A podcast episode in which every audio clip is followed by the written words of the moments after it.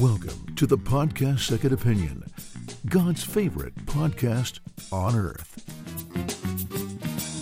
Välkommen till podden Second Opinion. Jag heter Jakob Rudenstrand. Och jag heter Olof Edsinger. I dagarna är det väldigt svårt att driva någonting som heter den Svenska Akademin i Stockholm och eh, eftersom hela världens ögon är ju riktade mot det. Den stora och tunga institution som varje år delar ut Nobels litteraturpris. Eh, I dagarna har ett antal eh, ledamöter tagit paus i sitt arbete i akademin, andra har hoppat av och nyligen så såg vi ju hur en ständiga sekreteraren Sara Danius avgick. Och eh, det är ju väldigt mycket tyckande om eh, eh, Svenska Akademin i dessa dagar, men av väl många människor som egentligen inte vet vad som pågår. Ja, nej men precis. Det är ju tydligt att det här är en fråga som engagerar och det, det är ju med rätta. Det här är ju ett av, av flaggskeppen kan man säga i svenskt kulturliv. Eh, och eh, i och med att Nobel också anförtrodde åt den här akademin att eh, ta fram Nobelpristagare då i litteratur så är det extremt prestigefyllt.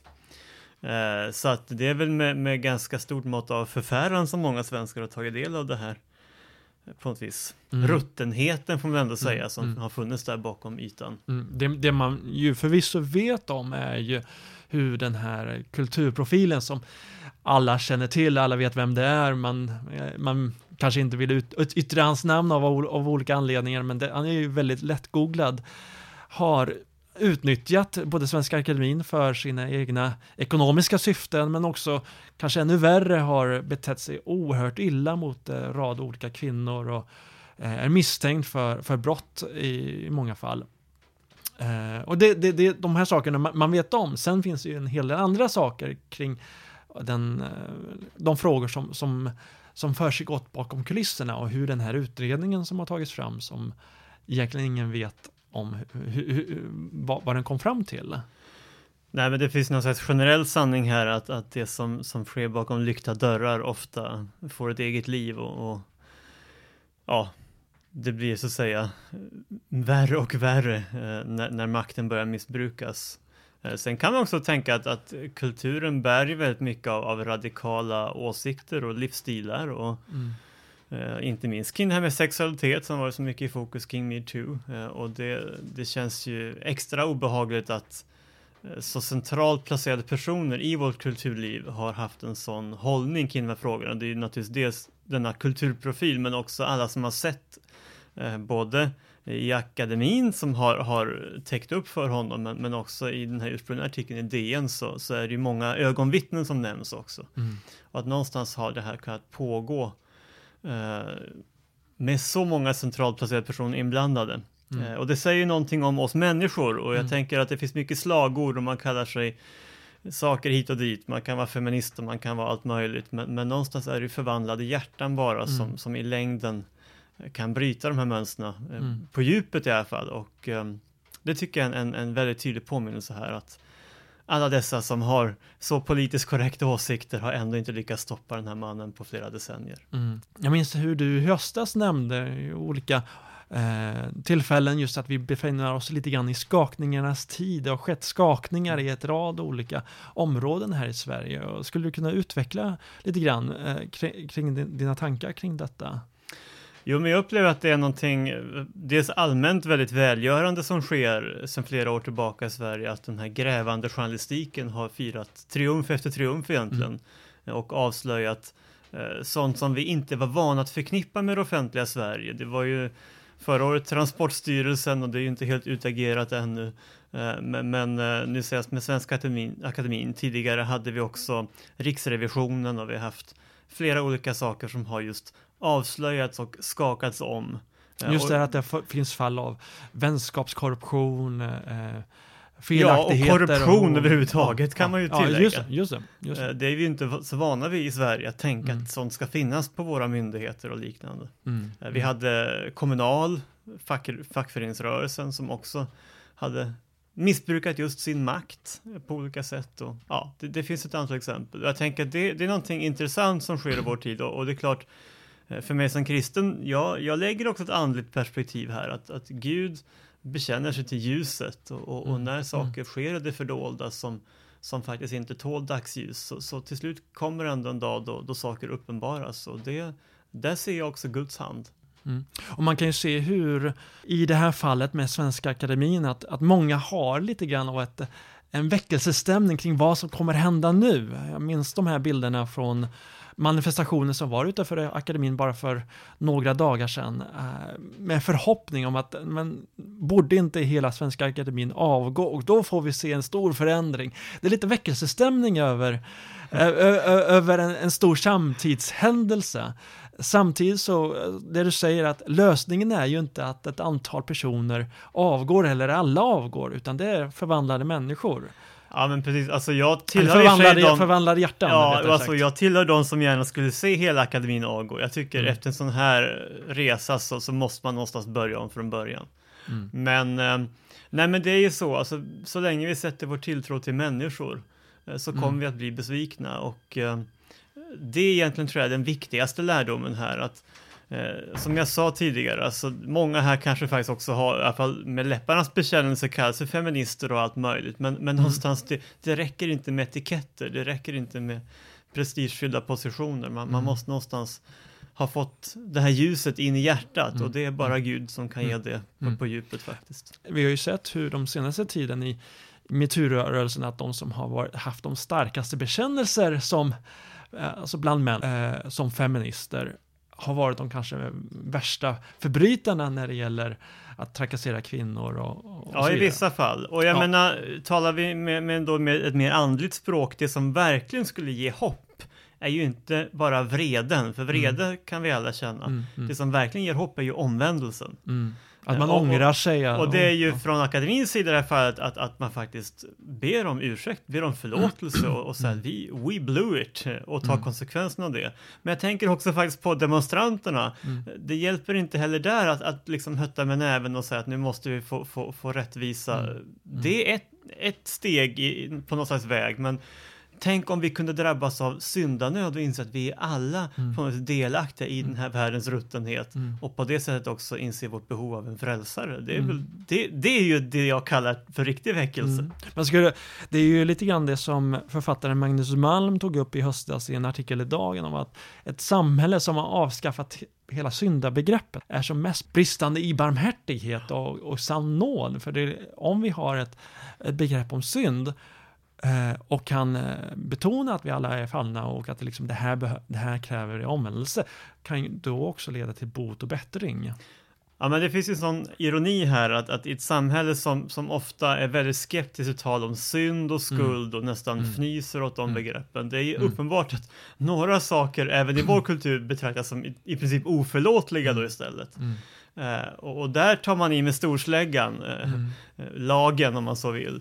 Um, men, men, men man har tappat hela förståelsen av att det finns en, en oförtjänt nåd som jag kan få ta emot när jag faktiskt ber om förlåtelse och omvänder mig. Eh, mm. Eh, och det berör ju väldigt många frågor, men, men, men mm. jag tycker metoo, precis som man säger, alltså det, det har visat på en, en, en defekt faktiskt här i, i, i, i hur vi tänker. att mm. eh, Någonstans så, så i vissa specifika frågor kan man faktiskt se det rättmätiga i lagen, det rättmätiga mm. i skulden och, och, att faktiskt det krävs någon form av vedergällning. Men det ingen av oss nästan naturligt har med oss, det är ju mm. den oförtjänta mm. nåden. Och den kräver mm. omvändelse som mm. sagt.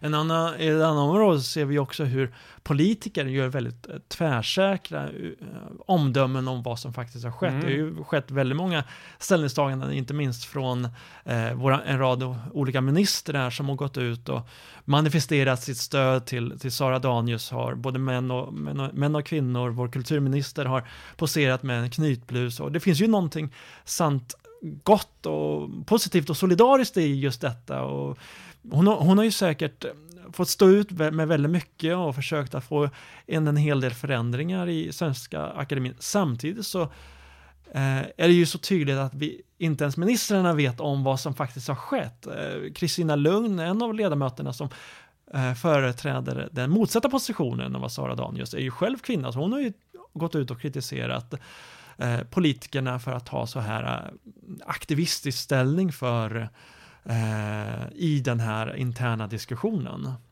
Jo, nej men vi lever ju i en tid av, av ofta lite billiga poänger och, Mm. och ganska snabba slutsatser. Och, och jag kan ju också spontant sympatisera med, med Sara Danius, men, men rent krasst vet jag ju ingenting om vad som har sagts i det här rummet. Mm. Eh, Och det är definitivt inte bara en fråga om manligt mot kvinnligt här, Mm. utan det är eh, både män och kvinnor på båda sidor.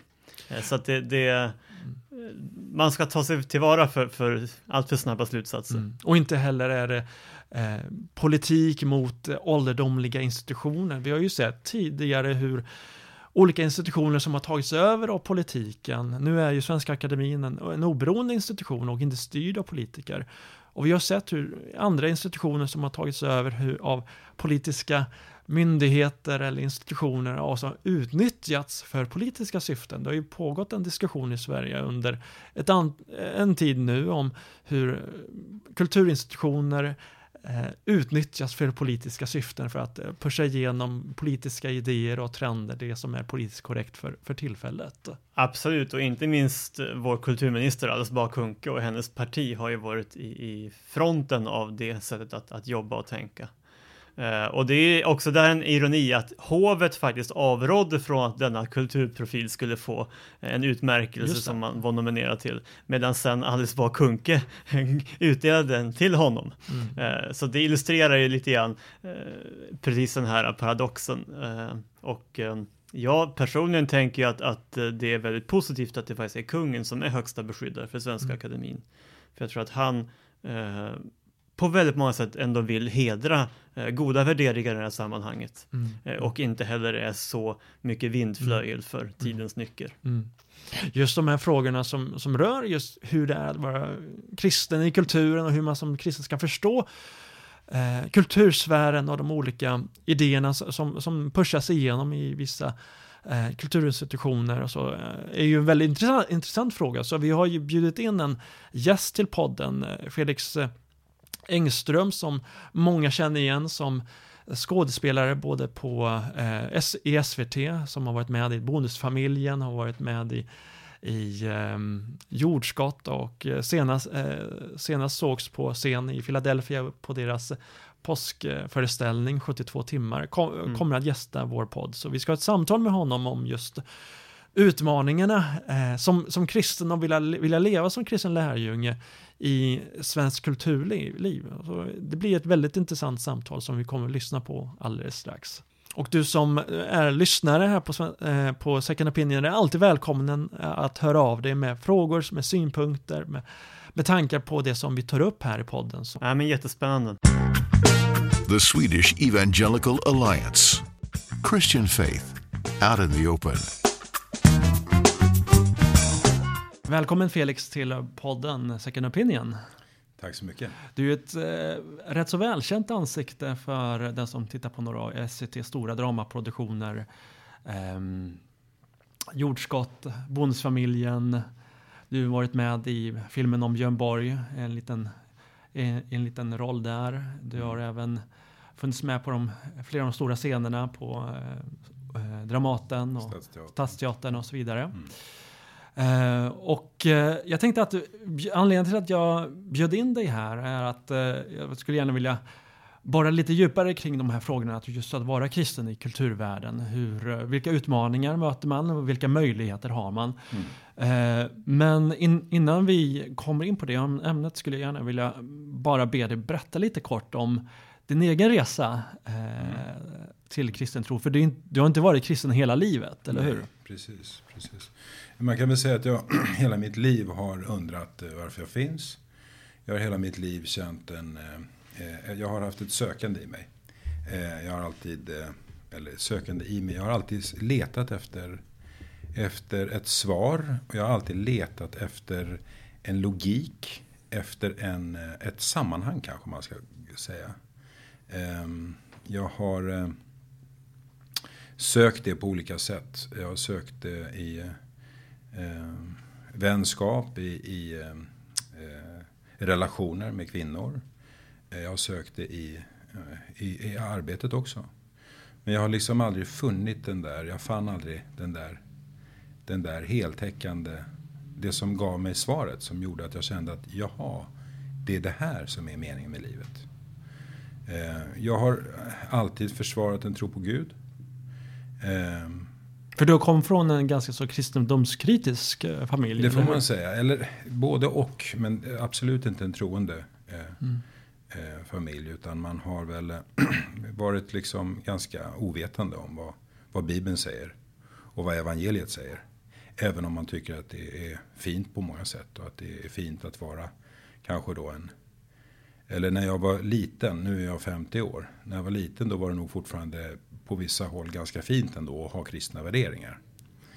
Eh, men för att göra en lång historia kort, när jag kom in i en församling då, New Life faktiskt, i, vid Fridhemsplan när den låg där. Och hörde lovsången, såg människorna som satt där och lyssnade på predikan som var direkt utifrån Bibeln. Så svarade det direkt på jättemånga frågor som jag liksom aldrig hade haft svar på innan. Bara på en, vad kan det varit, en 30 minuters predikan. Helt plötsligt fick jag svar på många saker och så förstod jag, det här har ju jag tyckt och tänkt och trott. Men aldrig fått något svar på var kommer det ifrån.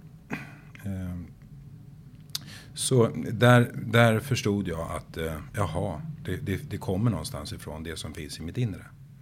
Eh, moral, uppfattningar om moral till exempel, rätt och fel och ehm, sådär. Jag blev kallad för en moralist ganska ofta faktiskt av Torsten Flink av alla människor. Eh, kallade mig för, eh, vad, vad var han kallade för mig? Kamrer Engström och moralist och sådär saker. Men han gjorde det också kärleksfullt. Så, så, ja. Eh, jag, jag kan ju förstå att eh, i den här världen, att vara kristen, liksom, övertygad kristen, du sa, sa att eh, det uppfattas att vara, liksom, ha en krist, någon form av kristen tro uppfattades tidigare som en, eh, någonting fint och, och så. Men eh, hur, hur uppfattas det numera? För att man, man får bilden när man ser eh, utifrån kulturvärlden att det Eh, inte sällan som en kristen tro porträtteras på ett väldigt negativt sätt. Att Absolut, det, absolut. det är inte någonting som är självklart att det uppfattas eller beskrivs som ett, någonting positivt. Alltifrån eh, eh, Ingmar Bergmans eh, Fanny och Alexander, Prästen, Mm. till, till numera med eh, filmer som Så som i himlen där, eh, där Ja. präster och representanter för kristen tro beskrivs som hyck- hycklare och så vidare. Ja, men det ligger väl på något sätt, det, ligger, det vet ju vi som känner till eh, vad Bibeln säger. Det ligger i människans natur att göra uppror. Att vilja, så att säga, eh, komma undan de givna förutsättningarna som Gud har gett oss. Vi har en kropp, vi har eh, ett kön, vilket bara det är kontroversiellt att säga. Alla de sakerna. Det är väldigt kontroversiellt just nu i, i, Ja. i debatten kring Ja. eh, kultur och, och. Precis, precis. Och Och, och alla de sakerna, det, det vill ju vi människor på ett eller annat sätt göra uppror mot. Eh, Jag har också velat det innan jag förstod eh, att det finns faktiskt en tänkt ordning. Som när jag underordnade mig den så hamnade mitt liv precis eh, där det ska vara. Det fanns en harmoni och jag, som jag har berättat många gånger förut, jag blev av med min ångest. Mm. Och väldigt många av mina kollegor lider av ångest. eh, Svår ångest på ett eller annat sätt. Men de skulle nog inte erkänna det. Eh, åtminstone inte för mig just nu. Eftersom jag eh, eh, ja, har, en, har en tanke om hur man kan bli av med den. Mm, mm. Eh, men jag, jag tror att det ligger i sakens natur. Att eh, om man är eh, i kulturvärlden eller i vilken annan sfär som helst. Så hittar man ett sätt att så att säga bortförklara sin egen skuld. Mm. Eh, vi vill ju inte kännas av att vi har en skuld. Men Bibeln säger tydligt att vi bär på en skuld och vi behöver förstå varför vi gör det. För då kan vi också komma till rätta med den. Mm. Då kan vi också få förlåtelse. Det, det, det för ju tankarna väldigt mycket till den diskussion som har varit under hösten i Mm. samband med alla de här metoo-uppropen. Och det har ju i synnerhet präglat hur, hur kulturvärlden har ha- tacklat frågor som rör trakasserier och makt och maktstrukturer eh, och Mm. eh, sexism och, och sexuella trakasserier och så. Mm. Du har säkert följt den här diskussionen och vad, eh, vad är din uppfattning av, är det något som, som, som tas på allvar och som man arbetar mer med nu? Ja, alltså jag tror eh, att det görs. Men jag tror att ehm, det är så mycket... ehm, allting blir så oerhört skruvat och så, alltid på så fel sätt. För att ehm, ehm, det är klart att det är allvarligt med eh, alla former av övergrepp. Mm. Det är bara det att, att befinna, att vara en kultur, liksom, eh, att jobba inom kulturen, speciellt skulle jag säga som skådespelare. Då är man extremt utsatt.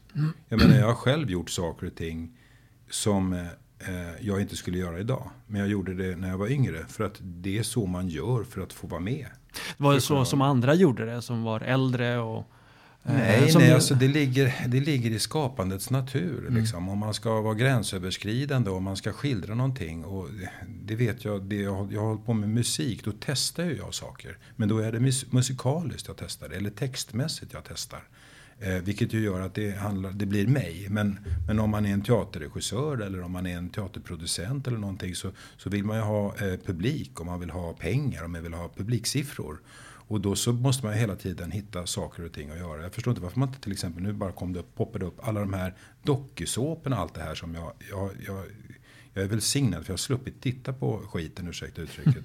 Men jag, ibland har det flimrat förbi och jag har undrat, är det möjligt att man visar sånt här? Och vilka är det som sitter och tittar? Och det skapar, menar du, just den här kulturen av att Ja. allting, alla gränser är liksom till för Ja, det gör man ju där. Och, och det brytas. pratar man inte om. Det har jag inte hört någonting pratas om i metoo-sammanhang. Så- Eller, ja. eh, jag har inte hört det. Och jag har inte hört heller varför man inte pratar om vad pornografin gör med människor. Mm. Vad- Vi, vi, liksom, vi, vi verkar inte vilja, eller, eller kulturvärlden verkar inte vilja se eh, sammanhangen. Alltså, vad, alltså de olika sakerna, hur de sitter ihop. Mm. Ehm, och, och det är ju den här dubbelmoralen som blir då. Men, Mm. men visst är det bra att man tar upp det. Men, men då så behöver man ju också se vad är det som har gjort att det har blivit så här. Mm. Hur kan det vara som så att man, som, jag menar jag, jag, jag försökte titta på första säsongen, det är några år sedan, jag och frugan försökte kolla, hitta en bra serie. Men Game of Thrones skulle vara bra. Mhm. Det gick ju att titta ungefär 10 minuter innan det var liksom i princip halvpornografiskt. Mhm. Och, och för mig är det liksom, för mig är det, det berättar ingenting. Det berättar absolut ingenting.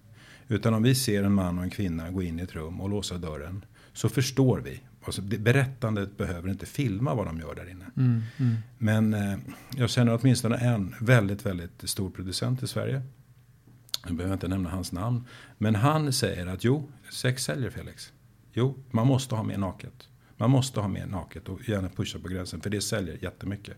Säger han. Jag, säger, jag tror att du har fel har jag sagt till honom. Och sen, nej Felix, du, du vet inte riktigt det där. Det är så. Det säljer, säger han. Mm. Ja, okej. Vad kan jag säga? Jag kan bara säga att jag vill inte vara med i sånt. Jag vill inte, Mm. jag vill inte delta i, i den typen av Mm. underhållning. Jag tycker att det är ehm, spekulativt bara, Mm. helt enkelt. Har du andra tillfällen där du som upplevt en konflikt mellan kristen, din kristna tro och kristna övertygelser? Ja, det gör jag väl egentligen hela tiden. Eh, Mm. Eftersom, eh, ja, eftersom eh, ja, det, det, det poppar upp en massa ord i huvudet på mig. Nu, nu kom det här ordet självrättfärdig. Eh, och, och det är ju en värld utan Kristus är en självrättfärdig Mm. värld. Eftersom den säger att vi klarar oss utan, eh, vi är rättfärdiga i oss själva. Och, och det är ju det stora dilemmat. Det är ju när vi som kristna säger att nej men, jag är inte rättfärdig i mig själv. Men jag har blivit rättfärdiggjord genom Kristus. Därför kan jag sitta här med rak i ryggen och, och eh, inte skämmas. För, för skammen är ju inte någonting som, som vi ska hålla på med. Men, men skulden har jag, men den är betald. Det blir ju en absurd sak att säga till en person som Mm. är över, övertygad om att vi egentligen är apor. Mm. Det blir liksom, man kan inte börja, var börjar man? Det är klart att man blir, eh, man blir lite klappad på huvudet. Eh, Mm. Lite nedlåtande, är du kristen? Och, ja men, då stackars Ja, dig. jag har inte råkat ut för det. Jag, jag, är, jag, är lite, jag, jag är lite sådär, jag är lite rädd för att bli, jag, är fortfarande, jag har inte växt tillräckligt mycket som kristen så jag, jag orkar inte ta för mycket liksom förakt eller nedlåtande attityd. Så jag, jag tror att jag är lite tuffare än vad jag egentligen borde, borde vara. Jag borde bjuda på lite mer eh, smälek som man säger. Så att jag, jag liksom...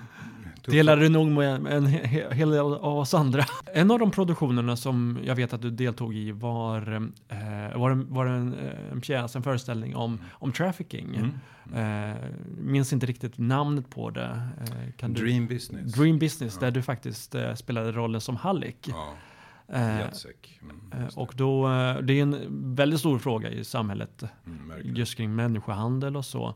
Eh, och det var ju också tanken att ni skulle ha ehm, gruppdiskussioner i samband med föreställningarna och liksom utbyte av, av erfarenheter. Och, eh, jag, jag minns att du berättade för mig en gång att du, då, då, då hade du möjlighet att ta upp vad den kristna tron betyder i, i, i relation till människovärdet. Skulle du kunna bara dra den historien? Ja, vi hade diskussioner och det hade vi då efter att vi hade spelat och det var med ungdomar och då gjorde vi eh, lite så här, eh, vad heter det?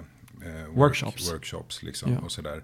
Och det, det, var, det, det, tror jag kanske var givande och bra. Men, men det här hände på kollationeringen när vi, skulle, när vi hade läst igenom pjäsen. Första gången man möts. Mm. Och sen så pratade vi om, eh, ja, alla pratar om människovärdet, det fina ordet människovärdet. Ja, det är ju någonting som alla bekänner sig till ja, oavsett, ja. Eh, oavsett vart man befinner sig och inte minst i kulturvärlden att eh, människan Exakt. är okränkbar. Och... Så då, så, då, så, eh, då satt jag och lyssnade på det, deras sätt att prata om människovärdet. Och, och till slut så dristade jag mig till att fråga, när ni talar om människovärdet, vad menar ni då? Och sen så tog jag en sån där en sån där jämförelse som jag frestas allt för ofta att göra. Till exempel, för om vi är riktigt ärliga så är ett handikappat Eh, foster som precis har kommit ut eh, i världen. Och eh, då var Obama president. Och president Obama, inte kan vi väl säga att de har samma värde när det verkligen kommer till kritan. Vilka, vem ska vi välja om vi måste välja någon? Liksom. Eh, så, så, vad menar ni när ni pratar om människovärde, eh, människans okränkbara värde?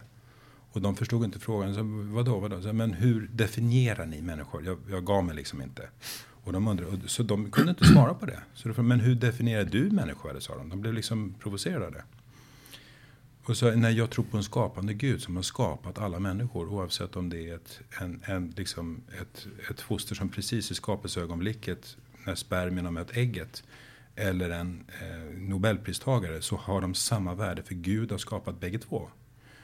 Eh, och det gjorde de arga. De blev arga över det. Mm. Och min, min, jag är ingen person som gillar att provocera. Jag vill inte vara en provokatör. Men jag har förstått att jag blir det ibland. Men det är verkligen inte för att jag vill ha det. Jag skulle vilja att människor funderade och faktiskt tänkte.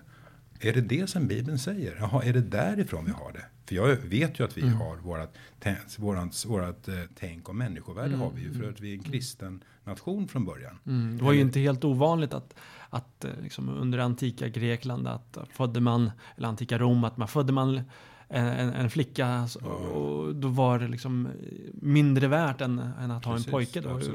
Många flickor som kastades på, på sophögar ja, och så var det kristna som ja. kom och räddade dem. Eh, så att just tanken på det moderna människovärde som vi har just nu, det har du ju helt rätt i att det kommer från en, en kristen mm. idé, idétradition. Mm, så från tanke på en gud som har skapat, man, äh, skapat människan till man och kvinna i sin egen avbild. Ja. Men jag, jag, tror att det, jag tror att det ligger i sakens natur att, att det blir som en, en slöja över människor som håller på med, med kultur och konst. Eh, förutom då vissa få. Det är vissa liksom som verkar fatta det där att wow, okej, okay, just det, det kommer ju därifrån. För det är inte, man måste inte vara liksom ett, ett, eh, ett intellektuellt geni för att förstå att vänta, det kommer ju någonstans ifrån. Den här tanken om att vi har ett samhälle där alla människor ska ha samma rättigheter och vi ska motarbeta korruption. Alla de här sakerna. Ja, det är bara att läsa de tio, Guds, alltså tio Guds bud så förstår vi, jaha, det är därifrån det kommer. Mm. Och de finns inte i till exempel Indien. Jaha, därav kastsystemet. Där, alltså, var mm. vi än går runt om i världen. En kollega till mig sa att eh, ja, men, om vi tittar på västvärlden, alla de länderna, de har en sak. De som blomstrar ekonomiskt eller har blomstrat eller fungerar. Ja, det är ju de kristna länderna. Och sen så kan man säga, det är en sanning med modifikation. För de katolska länderna har inte funkat lika bra som de protestantiska. Mm. Så går man till de protestantiska länderna. Vad har de gemensamt? Jo, de är protestantiska. Det finns en, liksom, en vilja att alla människor ska få tillgång till Bibeln, till Guds mm. ord. Mm. Det, det, är ju det som det handlar om, liksom, protestantismen. Att vi ska själva läsa, att vi ska bli läsare och förstå vad säger Bibeln. Så um, Ja, nej det, det, det, det, vad var det vi sa? Vi sa det är som, det, vad heter det? Man, en slöja. man har kastat en slöja. Ja. Vad tror du att den här slöjan beror på? Var, kommer den ifrån? Varför är den Um, om man nu tittar till befolkningslaget i, i sin helhet och tittar på uh, att, uh, att den kristna tron är så pass eh, bred och, eh, eh och, och eh, alltså att den, kristenheten är väldigt bred i Sverige och att det inte tycks finnas eh, eller speglas i, den, i, det, i kulturen som säger sig vilja bejaka mångfald. Ja, men jag, jag kan bara gå till mig själv och, och, man säger att man känner andra som man känner sig själv. Och jag gjorde motstånd så många år. Jag visste någonstans innerst inne att det jag gjorde aldrig skulle funka. Någonstans visste jag det. Den vägen jag hade slagit in på. Men jag försökte om och om och om, och om igen att klara det på egen hand. Jag försökte, som jag har hört en pastor som jag känner, jag försökte att lyfta mig själv i kragen. Alltså mm. en alkis som dricker, som sitter hemma och är nykter en helg med vita knogar. Han sitter med kraft och spänner mm. sig och så är han mm. nykter. Mm. Men det leder ju ingen vart. Det leder mm. bara till ett återfall. Du måste ha någonstans att gå. Du mm. måste ha någonstans att, att rikta din bön och din, din, din förtvivlan. Mm. Apropå det här med mångfald i kulturen. Det har ju Eh, senaste tiden har ju varit en eh, väldigt stor kulturdebatt eh, kring, kring kulturpolitiken mm. med eh, direktiv och signaler från kulturdepartementet om att de stora svenska kulturinstitutionerna ska, eh, ska prioritera mångfald, ska prioritera spegla eh, minoriteters situation, i synnerhet efter spåren av metoo så ska man eh, ta upp frågor som har med trakasserier och sexism och många av de här bitarna. Mm. Eh, behöver inte gå in på just formuleringarna i de här direktiven eller signalerna, men emot detta så har ju debatten varit nej, kulturen får inte vara politiskt styrd. Mm. Eh, och kulturen måste vara fri att kunna själv eh, bryta de gränserna som, som, är, som inte är villkorade av en politisk majoritet. Mm. Och här finns ju, tycks det ju finnas ett väldigt stort pro problem att, att eh, bland en del politiker att vilja göra kulturen till ett instrument för sina politiska uppfattningar eller mm. vad som är trendigt för tillfället. Och mm. det här ordet politisk korrekthet mm. som är eh, som är nästan söndertrasat i, i, i mm. diskussionen. Vad, vad, är din erfarenhet av, eh, av kulturen som ett politiskt verktyg eller ideologiskt verktyg? Nej, men jag tänkte på det häromdagen när jag och en kollega satt och pratade som också börjar bli väldigt kritisk nu, även om inte han är troende. Så börjar han också bli väldigt kritisk till vad man får och vad man inte får liksom eh, vara eller säga eller för att kunna få vara en del av kultursverige. Mm. Och då tänkte, och då tänkte jag just på det att eh, vår kulturminister då, Alice Bah Kuhnke, eh, hon sitter ju på kanske den absolut tyngsta och viktigaste posten i hela regeringen om du frågar mig. För kulturen, den är någonting som eh, alla människor färgas av. Och det visste ju redan de gamla, eh, säkert långt innan nazisterna, men nazisterna gjorde det. Deras kulturpolitik var ju oerhört genomtänkt. Mm. Det, skulle ju, det, var ju, det skulle ju spelas en viss sorts eh, musik, Wagner väl, och, eh, mm. och alltså det skulle vara nationalromantik, liksom. det skulle vara nationalism. Mm. Eh, så, så kulturen är ju naturligtvis... Eh, Intressant för politiker av alla dess färger. Ja, absolut. Ja. Självklart. Självklart är det det. Så, så därför så när jag hörde det här med biblioteken, hörde någonting om vad biblioteken får och inte får visa, eller inte bibliotek utan museerna. Mm, så är det klart att det är helt logiskt att man gör det. Eh, och sen hoppas jag bara den dagen som vi får en, en eh, en, en, regering som har en annan agenda. Mm. Att, att de förstår att, nej men vänta nu här, det där måste få vara heligt. Mm. Att vi har, en, vi har en historiebeskrivning nu som eh, alltid vinnaren kommer att ändra. Men låt oss inte göra det. Vi vet ändå att eh, regalskeppet Vasa sjönk då och då. Och det var på så och så många eh, famnars djup. Och det var så och så många eh, matroser och, som dog. Eller ja, vad det nu än må vara. Så att, att man skildrar saker och ting mm. så att man får för det är ju det som är det underbara med, med välskriven dramatik eller mm. välskrivna böcker. Det är någonting som handlar om lite större frågor än vad bara vi tycker just nu. Mm. Jag kan ju mm. tycka att alla människor borde gå i kyrkan. Det kan mm. jag sitta här och tycka. Men, men jag vet inte om jag vill liksom eh, göra en jättestor politisk agenda av det för, för att försöka få alla att gå i kyrkan. Det, mm. det, det, det, skulle inte gagna det jag tror. Nej, nej. Eh, Bengt eh, Olsson eh, skrev ju en väldigt lång artikel ja. i Dagens Nyheter där han tog upp just den här utmaningen att ja, men det finns vissa pjäser som jag egentligen inte kan få, kan få skriva. Då tog han upp exempel på att han höll på och eh, eh, skriva en pjäs där en, en eh, välkänd skådespelare blev eh, kickad från, från sitt eh, arbete på grund av att man ville kvotera in minoriteter. Och då ja. dök han upp istället med eh, i, iklädd en burka och fick rollen för att eh, mm. För att... Eh, han fyllde upp det som... Ja, han fyllde liksom det, det, som, det, det, det som mm. Eh, man hade som liksom ambition att fylla just den, den kvotering av minoriteter. Och, mm. men, men när han beskrev den här tänkta pjäsen för en för, för, för, en annan person som arbetar med kultur så fick han ju det här emot sig. Men mm. det här kan du verkligen inte göra. Det här är ju eh, verkligen problematiskt politiskt. Det kan gagna politiska allt, allt, grupper allt, som inte man vill hålla med om. Precis, och all, hela det resonemanget kom ju utifrån eh, den goda viljan. Mm. Den, den goda viljan. Och jag älskar det där uttrycket, jag återkommer alltid till det. The road to hell is paved with good intentions. Alltså, jag tycker att det är ett klockrent uttryck vi har att förhålla oss till vad som är rätt och vad som är fel och vad vi mm. får och vad vi inte får. Och, och det, som kristna så, så bör vi veta det om vi läst vår bibel. Om vi så att säga tror på att det är Guds ord. Eh, men då är det ju som så att vi, vi är också ålagda att faktiskt ställa frågan som Paulus gör. Vänta nu här, vad, vad betyder den här guden som ni tillber? På, eh, vad, vad, vad, betyder det? Vad, vad blir konsekvensen av det som ni tillber? Mm. Vad, vad, kommer att komma ur detta? Hela det här resonemanget som, som då Bengt Olssons ja. eh, kollega hade, att han inte kan skriva en sån bok. Mm. Det kommer ur, ur att man vill vara en bra person. Man vill vara en god människa. Man vill så att säga skydda människor från saker och ting som kan bli fel. Mm. Och det är ju en god intention. Och det är ju, det, det är där tankefelet hamnar.